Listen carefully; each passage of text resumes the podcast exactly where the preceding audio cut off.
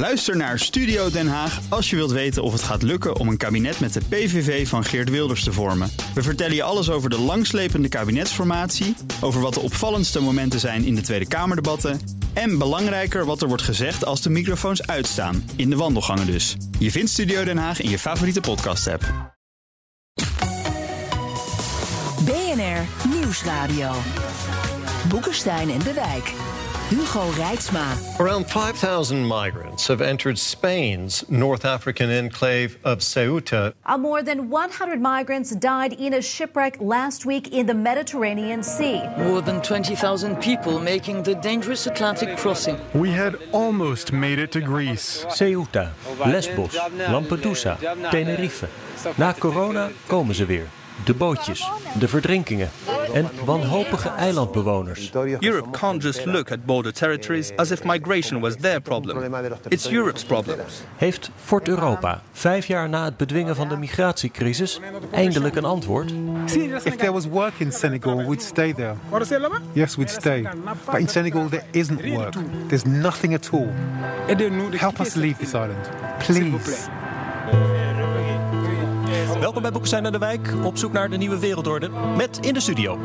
Sinds de teleurgang van kasteel Boekestein is ook hij een beetje dolende. Ah, zo'n Boekestein. een dolende ridder. Precies. En wat voor supermacht ben je zonder controle over je grenzen? Rob de Wijk. Nou. Onze gast werkte voor de Verenigde Naties en de Europese Unie op het terrein van ontwikkelingssamenwerking en veiligheid. Fardo Procé, welkom. Dank je. Uh, Fardo, jij kent de problematiek uit de eerste hand in het Midden-Oosten ten tijde van die grote crisis in 2015. Wat, wat deed je daar toen? Uh, nou, toen werkte ik daar voor de VN-vluchtelingenorganisatie, die zich eigenlijk specifiek alleen inzet voor Palestijnse vluchtelingen, maar wel in de hele regio, het Midden-Oosten. En daar waren ook veel van in Syrië. En op die manier zat ik daar van 2015 tot en met 2018 en hield ik me ja, dag in dag uit met de vluchtelingenkwestie bezig. En juist ook met het effect daarvan in Europa, omdat ik uh, de relatie deed met Europese donoren. Dan, dan zit je meteen met, met de politiek en met de gevoeligheden, kan ik me voorstellen. Klopt, ja. Dat, uh, dat was heel erg laveren tussen enerzijds als humanitaire organisatie op basis van humanitaire principes uh, donor ervan te kunnen overtuigen dat ze uh, steun moeten geven, financiële steun vaak. Maar uh, anderzijds is er een politieke realiteit, en dat begrijp je ook als noodhulporganisatie, dat als je kan duidelijk maken dat wat voor aantallen er bijvoorbeeld naar Europa komen. En dat er dus ook veel Palestijns-Syrische vluchtelingen tussen zitten. Of als je kan aantonen dat de vluchtelingenopvang ja, vijf keer zo goedkoop is in de regio dan, dan bijvoorbeeld in Duitsland of in Denemarken. Ja, dan zijn dat ook argumenten. Maar dat, is, dat ligt heel erg gevoelig. Want je wilt natuurlijk eigenlijk niet. Dat is een, bijna een vorm van handjeklap. En op, die manier wil je eigenlijk niet steun zoeken voor het werk dat je doet. Hm. Even wat aantallen van nu. Uh, in Italië zijn al meer dan twee keer zoveel bootmigranten geregistreerd als in dezelfde periode vorig jaar. De UNHCR schat het aantal doden op zee op 300, ook een verdubbeling. En waarschuwt voor een verdere toename in de komende tijd. Aan de andere kant kan je zeggen, die aantallen komen niet in de buurt van 2015. Dus heeft Europa misschien inderdaad een antwoord gevonden op uh, irreguliere migratie? Nou, ik denk het wel. Het is alleen een verschrikkelijk lelijk antwoord. Het is een onmenselijk antwoord. Maar ja, op het moment dat je geen enkel perspectief hebt uh, om Europa in te komen, je wordt opgevangen in een uh, vluchtelingenkamp waar je niet uit kan. Ja, dat is ook een oplossing. Eh, maar dat is een onmenselijke oplossing. Maar dat is wel een oplossing. En dat verklaart, denk ik, waarom de Turkije-deal heeft uh, gewerkt. Het heeft ook gewerkt, denk ik, de Turkije-deal. Omdat uh, Griekenland uh, zo gedisorganiseerd was dat het niet eens in staat was om al die vluchtelingen aan te pakken -hmm. en, en door te sturen naar andere landen. Dus het, de, de schrijnendheid van de oplossing verklaart ook waarom het werkt. Ja, al, al, is het tegelijkertijd natuurlijk wel zo. Hè, de Turkije-deal uh, is uh, controversieel. Het is wel zo dat hadden we hem niet gehad, hadden we nog veel meer dode mensen in de Middellandse ja, ja, Zee gehad. zeker. Dus Ja. het is. Er valt heel veel op af te dingen. Maar het kind met badwater mee eh, weggooien is ook niet de bedoeling. Dus de Turkije-deal is misschien niet een manier waarop we het in de toekomst willen voortzetten. Maar uh, um, in, een, in een betere versie ervan denk ik wel dat dat, dat, dat iets Ja, is. er is natuurlijk vorig jaar een andere versie gesloten. Met betrekking tot die Turkije-deal. wat er dus in eh, september vorig jaar is uh, gebeurd. Oh, toen migratiepact. Is, is er een nieuwe migratiepact Oké, gekomen. ja, dus de nee, procedures kan, moeten versteld Ja, worden. ja. En na vijf, eh, vijf dagen moet iemand een medische check hebben gehad. Ja. Vervolgens ga je de procedure in. Dat moet eh, volgens mij binnen drie maanden zijn afgerond. Dan eh, weet je of je kan blijven, of je wordt doorgestuurd of terug eh, wordt eh, gezonden. Eh, betere afspraken met eh, landen in de regio voor, de, voor het terugnemen van, eh, nou ja, enzovoort, enzovoort. Dus, maar Maar, de- dat is, maar dat is het Europese migratiepact. Ja. Dus dat is niet een pact met Turkije. Nee, maar dat is, het, klopt. daar is een, eh, dat is een voorstel van Inderdaad. de Europese Commissie. Ja. Daarbij hebben ze wel heel veel met alle lidstaten gesproken. En het idee is, maar het, het staat stil. Het is van september, zoals je Ja. al zei. Mhm. Uh, en de lidstaten staan nog niet te springen om dat, um, om dat goed te keuren, zullen we maar zeggen. Omdat dat politiek enorm gevoelig ligt. En eigenlijk zit in dat, of mist in dat pact wat ik vind dat het hoofdonderdeel zou moeten zijn van de oplossing rondom migratie. En dat is namelijk een vorm van legale arbeidsmigratie. Dit pact gaat over oké, wie gaat dan terugkeer doen als je niet mensen wil opnemen. Uh, hè, wie gaat betalen, wie gaat uh, mensen opnemen. Maar dat is, een, dat is belangrijk, dat is een belangrijk onderdeel. Maar uiteindelijk, migratie is er, is er altijd geweest, zal er altijd blijven bestaan. Dus hoe kunnen we dat beter Nou, we reguleren? hebben het hier over vluchtelingen. We moeten wel vluchtelingen en migranten moeten, en arbeidsmigranten moeten wel uit elkaar Absoluut, trekken. Dat zijn twee totaal verschillende Ja, dingen. helemaal met je eens. Nou ja, maar ik denk dat het, het, het grootste punt is, hè, wat we hebben gehad eh, met die eh, Turkije-deal... en eigenlijk alles wat we op dit eh, gebied eh, binnen de Europese Unie met elkaar hebben afgesproken... dat werkt niet omdat landen niet bereid zijn om vluchtelingen Want dat was, er op was te een nemen. pact na Turkije. Hè? Ja, dat, en dat nu- was nu het nieuwe quota pact. dat landen ja, Ja. vluchtelingen moesten exact. opnemen. Ja. En toen zeiden uh, Orbán en Polen en geloof ook Tsjechië, Slowakije, al die landen daar, die zeiden nou doe Maar wij hebben doen er we niet zo'n zin in hoor. Dat doen we niet, maar tegelijkertijd zie je dus dat in het nieuwe pact... Is die- eh, quota dan hoef je dat dus ook niet te doen. Dan hoef je die eh, quota niet eh, te honoreren. Maar dan moet je maar op een andere manier bijvoorbeeld te betalen... Dat ze weer teruggaan. Ja, of helpen met de terugkeer. Ja. maar laatste stand van zaken, volgens mij is dat diezelfde landen en geloof ook Oostenrijk zeggen dat Ja. dit gaan we ook niet doen. Klopt. Dus er is nog steeds geen beleid eigenlijk. Nee, maar er komen nog steeds heel weinig mensen in Europa binnen. Maar dat betekent dus ook dat de politiek aan het verschuiven is. Dat ik zelf heel erg interessant vind. Van, je ziet dus dat migratiepact, het staat stil. Hè? Er wordt ook helemaal niet over gepraat. En je ziet ook bij- eh, de lin- linkse partijen... dat ze daar, ik vind het natuurlijk allemaal verschrikkelijk, vinden ze dat... Maar ze beginnen nu zelf ook te zeggen van ja, dan moeten we maar gewoon, eh, we gaan nog meer geld aan Turkije geven. En dan moeten we de opvang in de regio beter. eh, Dat betekent dus dat de politiek, dat was vijf jaar geleden, was, was je de Satan als je dat voorstelde. Hè? En nu eh, wordt dat een meerderheidsstandpunt. Wat ik, waar ik overigens ook een voorstander van ben. We kunnen, eh, kijk, ik zie het zo. Verzorgingsstaten zijn zeer egoïstische staten. Zijn heel mo- moeilijk in staat om migratie op te nemen. En als ze het doen, dan vliegen de populistische partijen omhoog. Dat is eigenlijk waar niemand over durft te praten. Maar dat is het mechanisme dat je ziet. Hè. En daarom is ook linkse partijen willen helemaal geen ongereguleerde migratie. Het is eigenlijk een heel genuanceerd debat. Nou, als dat allemaal zo ligt, dan moeten we dus in de regio veel meer doen.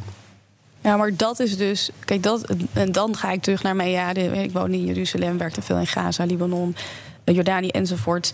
Er kan niet meer. Er kan gewoon niet meer opvang in de regio. 80% van de opvang is al in de regio. Mm. Dus dat is gewoon een heel gek. Als je als Europeaan in het Midden-Oosten zit en je hoort dat soort debatten hier in Europa, dan denk je, ja, maar dat, dat bestaat al. Pakistan heeft 1,4 miljoen Afghaanse vluchtelingen. Nee, maar dat is absoluut waar wat je zegt. Er zitten eh, maar 2% of zo zit hier en Ja. de rest zit daar. Hè.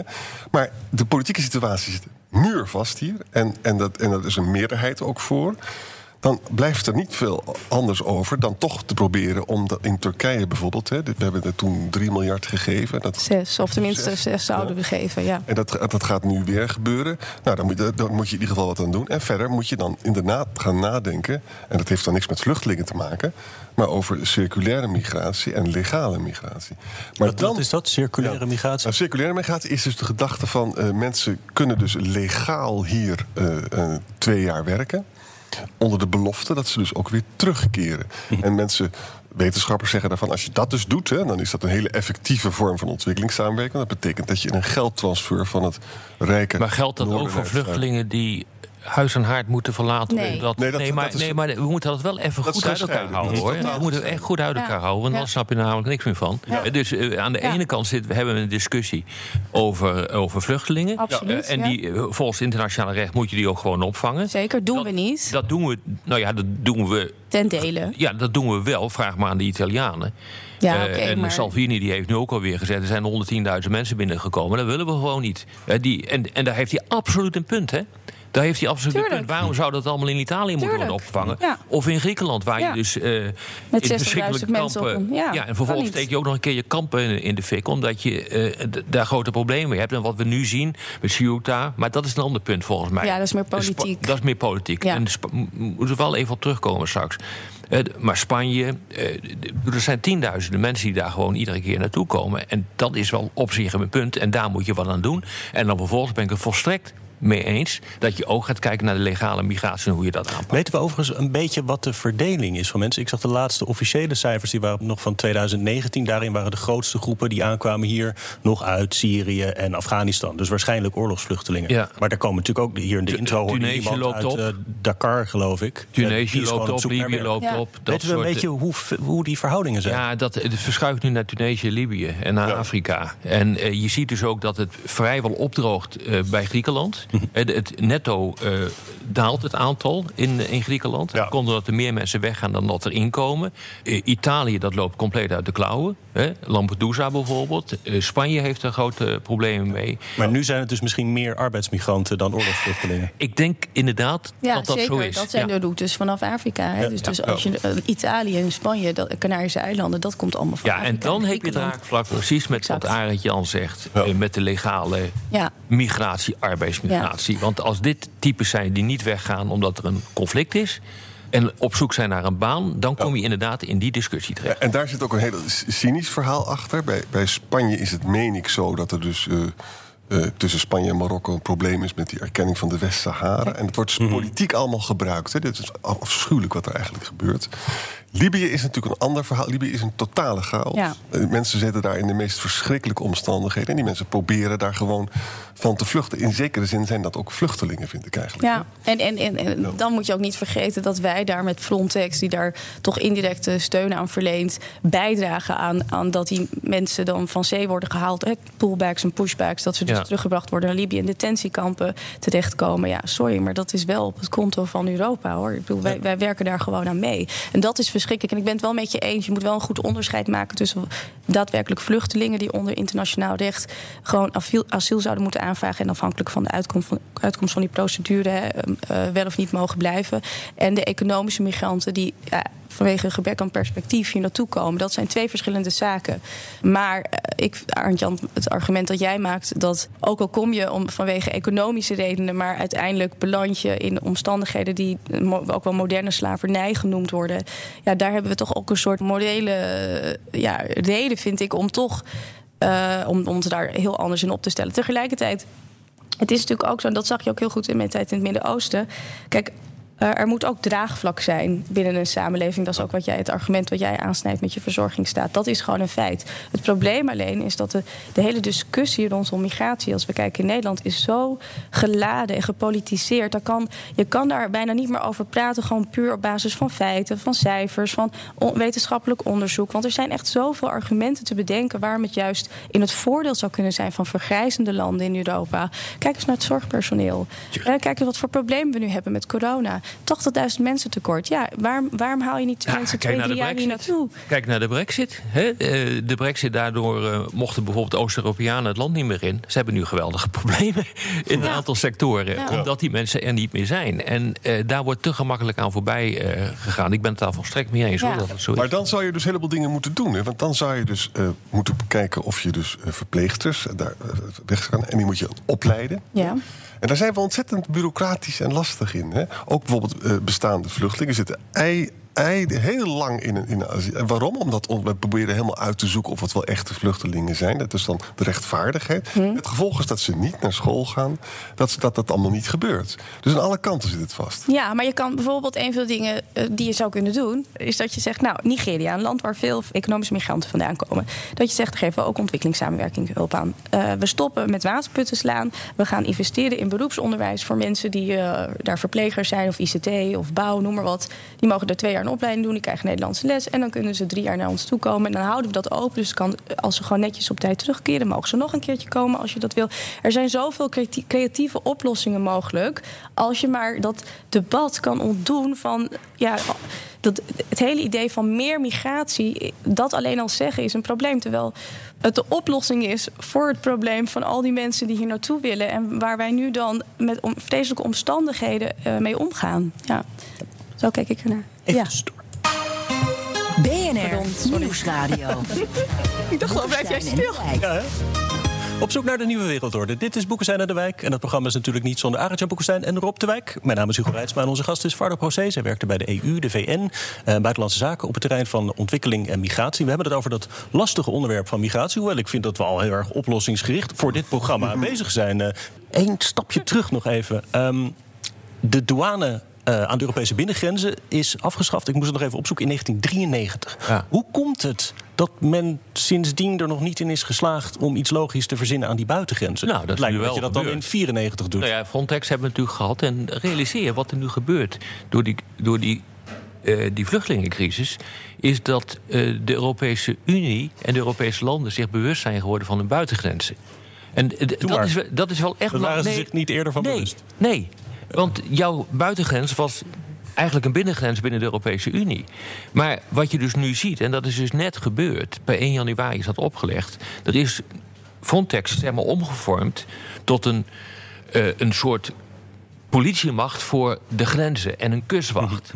Uh, inclusief middelen als drones geuniformeerd. Moet 10.000 man gaan worden. Dat is echt heel groot. Dus, uh, ook dat soort dingen, dat, dat lees je bijna niet in de kranten. Maar dat is een enorme doorbraak. Want dat betekent namelijk uh, dat voor de eerste keer de Europese Unie uh, de beschikking heeft over een gewapende macht. Dat is, dat is, want ze zijn ook bewapend, die mensen. er zijn nu al discussies binnen marines in, in Europa. om na te denken of je misschien wel een Europese marine zou moeten hebben. Of een Europese kustwacht met, met schepen erin. Nou, dat gaat vast gebeuren, dat kan bijna niet anders. want dat, dit vluchtelingenprobleem en dat migratieprobleem... dat is, dat is morgen niet afgelopen. Mhm. Als je naar de cijfers kijkt wat er uit Sub-Sahara-Afrika op termijn gaat komen... Nou, dat, dat wordt al heel erger. Dus je zult zien dat deze ontwikkeling veel en veel verder gaat. Maar het tragisch is, kijk, de de facto situatie ook met Frontex nu is, en daar moeten we gewoon ook heel eerlijk over zijn. Er stond een steengoed artikel uh, in de Economist uh, dit weekend daarover. Kijk, de facto is het gewoon, we zijn aan het pushbacken. Overal. Ja, bootjes terugduwen. Ja, ja. En, en, en, dat betekent dus. En, en uh, Von der Leyen die kijkt de andere kant op. En we kijken allemaal. Want het komt ons eigenlijk allemaal stiekem heel goed uit dat er zo weinig mensen komen. Nou, ik, het is natuurlijk een vrij onmenselijk systeem. Wat je eigenlijk zou willen, maar dat kan ook weer niet. Maar dan moet je namelijk die vluchtelingenverdragen opzeggen. Maar als je nou een systeem zou kunnen hebben, want je kan alleen maar in Afrika zelf een asielaanvraag in doen. En daar wordt besloten wie dan wel mhm. kan en wie niet. Als dat zou lukken, dan zouden er minder pushbacks zijn. Ja. Dat weet ik niet hoor. Je hebt natuurlijk altijd mensen die heten in VVD-kringen, volgens mij in PVV-kringen, uh, uh, gelukzoekers. Die hou je altijd. Maar als want die, die, die schatten gewoon bij voorbaat in dat ze geen kans hebben om hier naartoe te komen. En die wagen het erop. En daar zit het probleem in. Ja, maar het is bijvoorbeeld wel zo. Ik weet niet uh, hoe lang geleden, een aantal jaar geleden, heeft bijvoorbeeld Duitsland de westelijke Balkanregeling ingesteld. Ja. Dus toen hebben ze 20.000 werkvisa voor mensen uit die landen uh, vrijgegeven. Toen daalden hun asielaanvragen aanzienlijk. Dus het is wel zo dat op het moment dat je perspectief hebt op een werkvisum, waarom zou je dan nog al het geld van je familie bij elkaar schrapen? Uh, je, je oh, leven wagen, weet je wel. Dus... Mee eens hoor, maar je moet het ook wel doen. Maar ik denk niet dat je daarmee het hele probleem oplost. Want we hebben dat natuurlijk gezien. Uh, op het gebied van OS. Maar we zien dat nu ook met migratie. Een fantastisch idee. Maar een hele hoop van die dingen die mislukken ook. Omdat de, de praktijk toch vaak weer barstiger is. Ja, dat klopt. De praktijk is altijd weer barstiger. Maar wat e- één ding wat zeker is, is dat als we niks doen, en dat is in feite toch wel een beetje wat we aan het doen zijn, als je Frontex niet meedekent in de pushbacks, uh, dan is het sowieso heel slecht. Dus we zullen toch, uh, ik vind dat onze politici, en het maakt niet uit aan welke kant van het spectrum je zit, gewoon hun verantwoordelijkheid moeten nemen en dit, dit moeten aangaan. Dit moet een heel belangrijk onderdeel worden van wat er nu. Maar wat is dan verantwoordelijkheid nemen? Nou, Want... verantwoordelijkheid nemen in die zin dat je je accepteert dat er migratie is. Daar mhm. communiceer je helder en duidelijk over richting je bevolking. En op wat voor manier ga je dat reguleren? Kijk, het, het uh, demissionaire kabinet van u heeft ook gezegd meer legale migratieroutes te willen aanbieden. Maar dat is vervolgens niet gebeurd. Want dit is gewoon geen populair onderwerp. Maar ja, je moet misschien toch even iets minder dan die vier jaar gaan denken. om daadwerkelijk aan tot structurele oplossingen te komen. Maar dan zul je dus moeten bedenken of moeten vertellen aan, aan ons. Ja. eh, wat Arend Jan zegt: van eh, we krijgen een vergrijzende bevolking. Ja. Eh, je zult wel moeten. Ja. Want iemand moet je kont afvegen als je in een bejaardentehuis Ja, nou, of in bijvoorbeeld, verzorgingshuis ja. zit. Maar- en wie gaat dat dan doen als er geen Nederlanders zijn? En er zijn al, ja, Even heel simpel gezegd. Maar er zijn ook heel veel positieve voorbeelden daarvan. Kijk maar in Israël. Daar komen heel veel Filipijnen hè, naar eh, verzorgingshuizen. Die werken daar een aantal jaar, gaan terug, be- beginnen een eigen bedrijf enzovoorts. Hier in Nederland heb je bijvoorbeeld au pairs. Die mogen dan voor een jaar komen. Die gaan gewoon weer netjes terug. Die hebben geld gespaard. Of die gaan nog naar een ander Europees land. Er zijn al heel veel goede voorbeelden. Oh, maar er Het zijn ook een hele hoop regelingen. Die, blauwe kaart toestand. Precies, eh, ja, met kenniswerkers en dat klopt. soort zaken. Maar Die werken bij mij ook op het instituut. Ja, maar dat is wel zijn een heel ander mee, salaris. hè. Dat zijn meer de expats. Ja. En als je expat bent, dan is het goed. Dan hoef je ook niet te integreren. Dan is er allemaal niks aan de hand. Want die Hmm. gaan wel naar huis. Maar iemand die iets minder dan een expat salaris verdient... maar nog steeds goed kan sparen... die wil ook wel graag naar huis, hoor. Zeker. Je zou kunnen zeggen dat je een deel van dat inkomen verplicht spaart... en als eh, vertrekbonus krijgt wanneer je weer naar huis gaat. Is het overigens zo dat het door de vergrijzing geen keuze is? Ik denk dan even aan Japan, dat ook vergrijst. Maar volgens mij zeggen ze daar, nou dan krimpen we maar liever dan dat we allemaal mensen van buiten halen. Nee, maar dat kan. Maar dan moet je dus als maatschappij daar wel eh, toe besluiten. Eh, maar tot nu toe is er geen, eh, geen groot draagvlak voor wat men dan ziet als ongelimiteerde immigratie. En dus krijg je dit soort eh, discussies zonder dat we over de consequenties en alternatieven nadenken. Ik denk dat dat gewoon het hele probleem is. We negeren het Maar probleem. als je legale migratie, en ik ben daar een voorstander van, dan is er heel veel nodig. Hè? Als je nu een verpleegster uit Senegal haalt, dan beginnen wij met allemaal diploma's te praten. En dat doen we heel moeilijk, hè? want dus moet je maar eens komen. Van, ik ken eh, huisartsen van Irak die in eh, Leiden zijn gewonnen. Ja. Die moesten hup, de collegebanken jaren in. Hè? Die mensen hebben ongelooflijk hard gewerkt. Maak dan een plan dat mensen de taal leren. Dat ze, dat ze de, de Nederlandse ziekenhuisstandaard eh, overnemen. Dat er ook huizen zijn. Leg dat aan de bevolking uit. Dat doen we nu, want we hebben een tekort. En daar hebben we dan ook huizen voor. We kunnen ook huizen snel. Dat is natuurlijk mogelijk, hè? En dan doe je wat. En nu is het helemaal stil, daar heb je helemaal gelijk. En waarom is het nu stil? Omdat de partijen ter rechterzijde net doen alsof er extreem veel eh, vluchtelingen hier zijn. En dat Wat is- niet zo is. wat niet zo is. Dus het is totaal gepolitiseerd. We zouden dus iets meer kunnen doen, maar we zouden vooral ook die legale eh, arbeidsmigratie kunnen organiseren met scholing en taal. en Nou, dan je je absoluut eh, een punt, uh, Jan. Als, dat, eh, eh, als je kijkt naar de samenstelling van wat er nu zeg maar, de Middellandse Zee overgaat, dat zijn, denk ik, in belangrijke mate arbeidsmigranten. Ja. Dat, tenminste, dat gevoel krijg ik wel als ik naar de cijfers kijk. Nou, maar ze willen, dat zijn jonge mannen over het Ja. algemeen. En die zijn op zoek naar een betere toekomst. Ja. Maar bijvoorbeeld in Canada heb je weer een puntensysteem. Hè. Dus wat ze daar doen is dan. Eh, hebben ze bijvoorbeeld een voorkeur voor eh, mannen die een, eh, al een gezin hebben. Hè, in, in, ik noem maar Tunesië. Want ja, die gaan natuurlijk sneller naar drie jaar terug dan iemand zonder. Er zijn, er zijn gewoon heel veel oplossingen mogelijk. Ei- eigenlijk zit het probleem veel meer, als je het op Europees niveau kijkt, in, naar in solidariteit. Dus gewoon een gebrek aan solidariteit. Maar als je het even naar het Nederlandse politieke bestel terugtrekt, dan is het eigenlijk gewoon. Het is een onderwerp waar je niet op kan scoren, waar je alleen op kan verliezen. Dus daarom gaan we niet. Ja, maar uiteindelijk verlies je dus toch, omdat je er niet over wil Exact, ja, eh, ja, ik ben het helemaal met je eens. Maar het- nog een ander probleem. In jouw prachtige inleiding zat een, een jongen van Senegal. En die zegt van er zijn gewoon geen banen. Dat is ook waar. Hè? In Senegal is dit een leider van 85 jaar of zo. Het is bad governance. Dat leidt dus tot hoge werkloosheid. Hè? Nou, helaas kunnen we heel moeilijk eh, good governance exporteren. Maar als we meer zouden investeren op een intelligente manier in Senegal... dan zouden die jongens eindelijk een kans hebben. Want bedenk wel goed, als we arbeidsmigranten daaraan onttrekken... Die moeten die, hebben die landen zelf ook heel erg nodig. Over, over investeren en specifiek zoals over Senegal komen we nog wel eventjes terug in de luisteraarsvragen. Maar op de radio moeten we afronden. De podcast gaan we door met die luisteraarsvragen. Luistert u op de radio, dan verwijs ik naar Apple Podcast, Spotify of boekensijnendewijk.nl. Even kijken hoor. Elisabeth Filippi die zegt in de landen rond de Middellandse Zee kijken mensen voor het nieuws vaak naar Al Jazeera. En dan krijg je een heel ander beeld. Met een verwijzing naar eh, deze Al Jazeera-reportage vanaf een bouwplaats in Dakar. Shekinja is a laborer from Guinea-Bissau. Justel Ghana, an engineer from Congo, and Alpha Diallo, a mason from Guinea. All are working on this construction site, building new office blocks in Senegal's growing capital. This is no shithole. It's the land of opportunity. Every week, I send money back to my mom and my little sisters, who are all going to school thanks to what I send. Ja, uh, West-Afrika, vervolgt uh, die reportage, groeit met gemiddeld 5%. Senegal met 7, Ghana met 9. Afrika is booming. Volgens mij zit de helft van de grote groeiers van de wereld in Sub-Sahara-Afrika op dit ogenblik. Wow. Maar het probleem is dat uh, als je kijkt naar de landen met de grootste bevolkingsgroei, die zitten daar ook. Ja. En er is een mismatch tussen de, uh, tussen de aanwas van de bevolking en de aanwas van de economie, de groei van de economie. En dat verklaart waarom je in de toekomst, ja. althans dat is de voorspelling, grote problemen krijgt in dat gebied en dus arbeidsmigratie of misschien wel oorlogen. Ja. En gelukkig en wat er ook nog even over oorlogen. En wat er ook heel erg mee te maken heeft. Kijk, ze groeien inderdaad. Het heeft ook met, met de situatie van de pandemie te maken.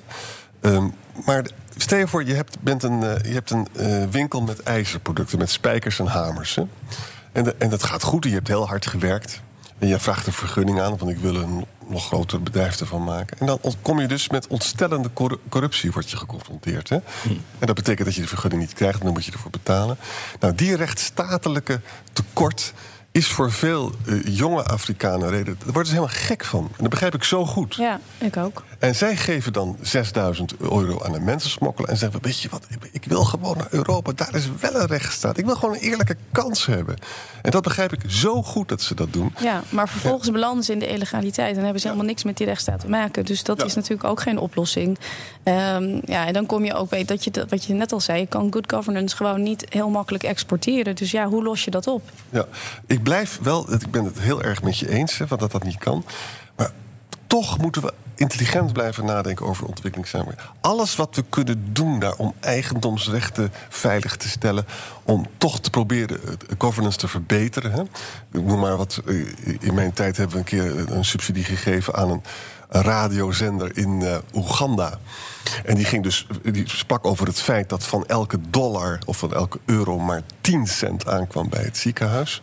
Hm. En iedereen schrok zich dood. In Oeganda mag je, mag je dat vrij zeggen. En vervolgens gingen we weer meten. En toen hebben ze de corruptie ietsje verminderd. Toen kwamen, kwamen er twintig. Maar het is niet alleen die corruptie, hè? Want nee. uh, zeg maar, criminelen die kunnen er ook wat van. van oh, dan komt er een crimineel en die gaat Aartje al vertellen... maar je moet naar Nederland toe, want uh, ja. geen enkel probleem om daar binnen te komen. Je moet mij zes, ja. die 6000 euro uh, geven en dan komt het allemaal wel goed. Mm. In, die, in die tak van sport gaat mondiaal 3 tot 6 ja. miljard euro om. En daar doen we betrekkelijk Alleen al de, de, de, de Middellandse zeeroutes leveren 200 miljoen euro op.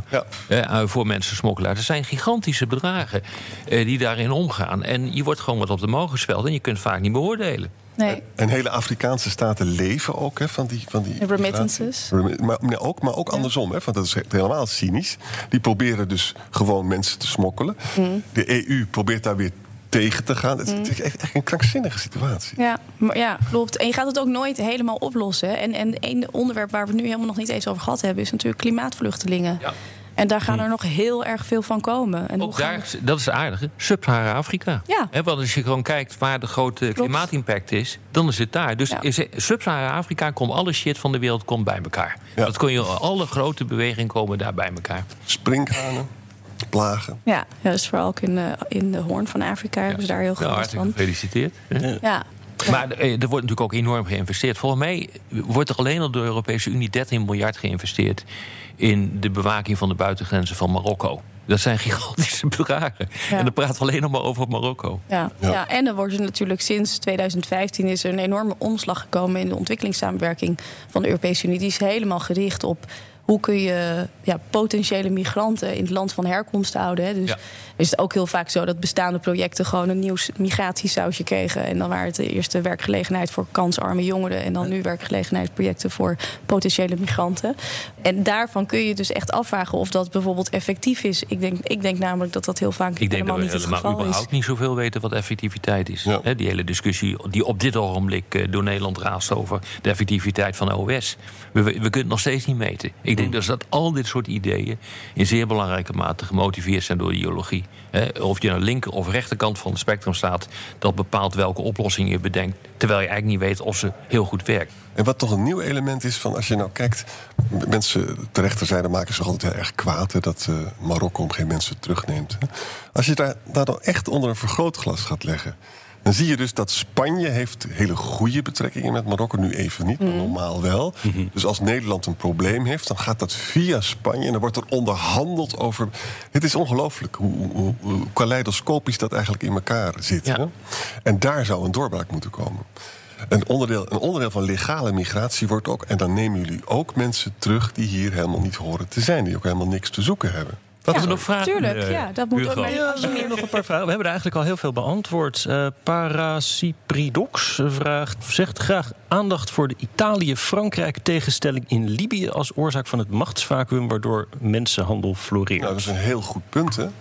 Even kijken, was dat ook alweer? Eh, Italië heeft oliebelangen van Enel. Eh, Frankrijk steunt Haftar. Hè? Eh, Italië, weet ik niet meer zo goed wie, wie, daar steunt. Turkije zit er ook eh, diep in. Ja, Turkije steunt de, de officiële regering, die ook door de VN ook erkend wordt.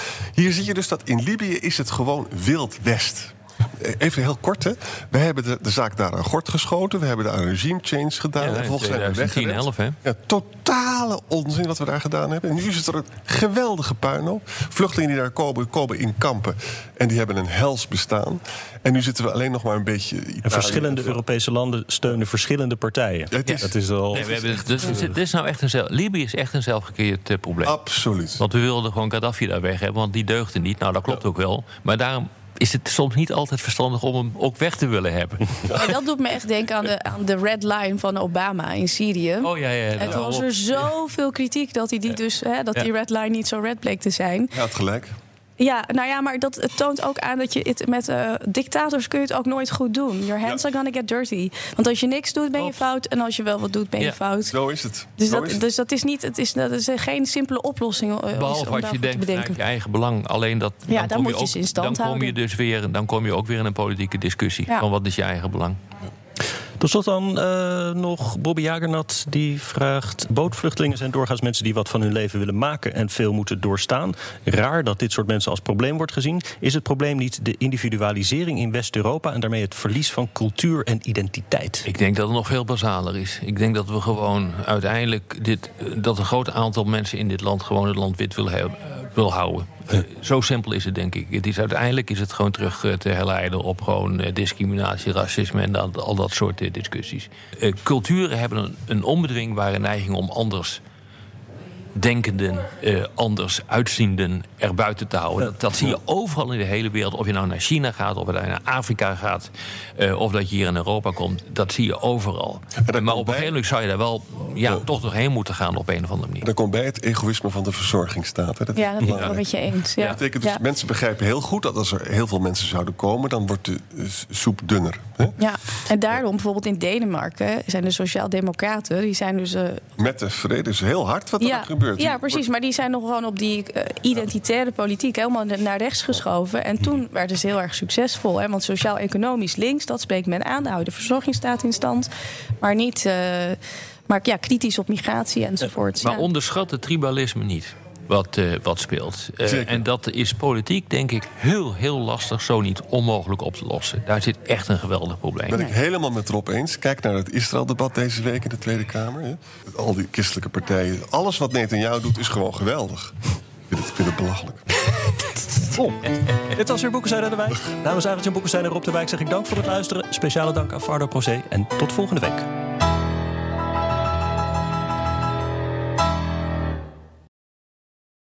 Ook Diana Matroos vind je in de BNR-app. Ja, inderdaad. Je kunt live naar mij luisteren tijdens de Big Five. Ook handig in de BNR-app. Breaking nieuwsmeldingen, maar ook het allerlaatste zakelijke nieuws. En je vindt in de app alle BNR-podcasts, waaronder Wetenschap Vandaag. Download nu de gratis BNR-app en blijf scherp.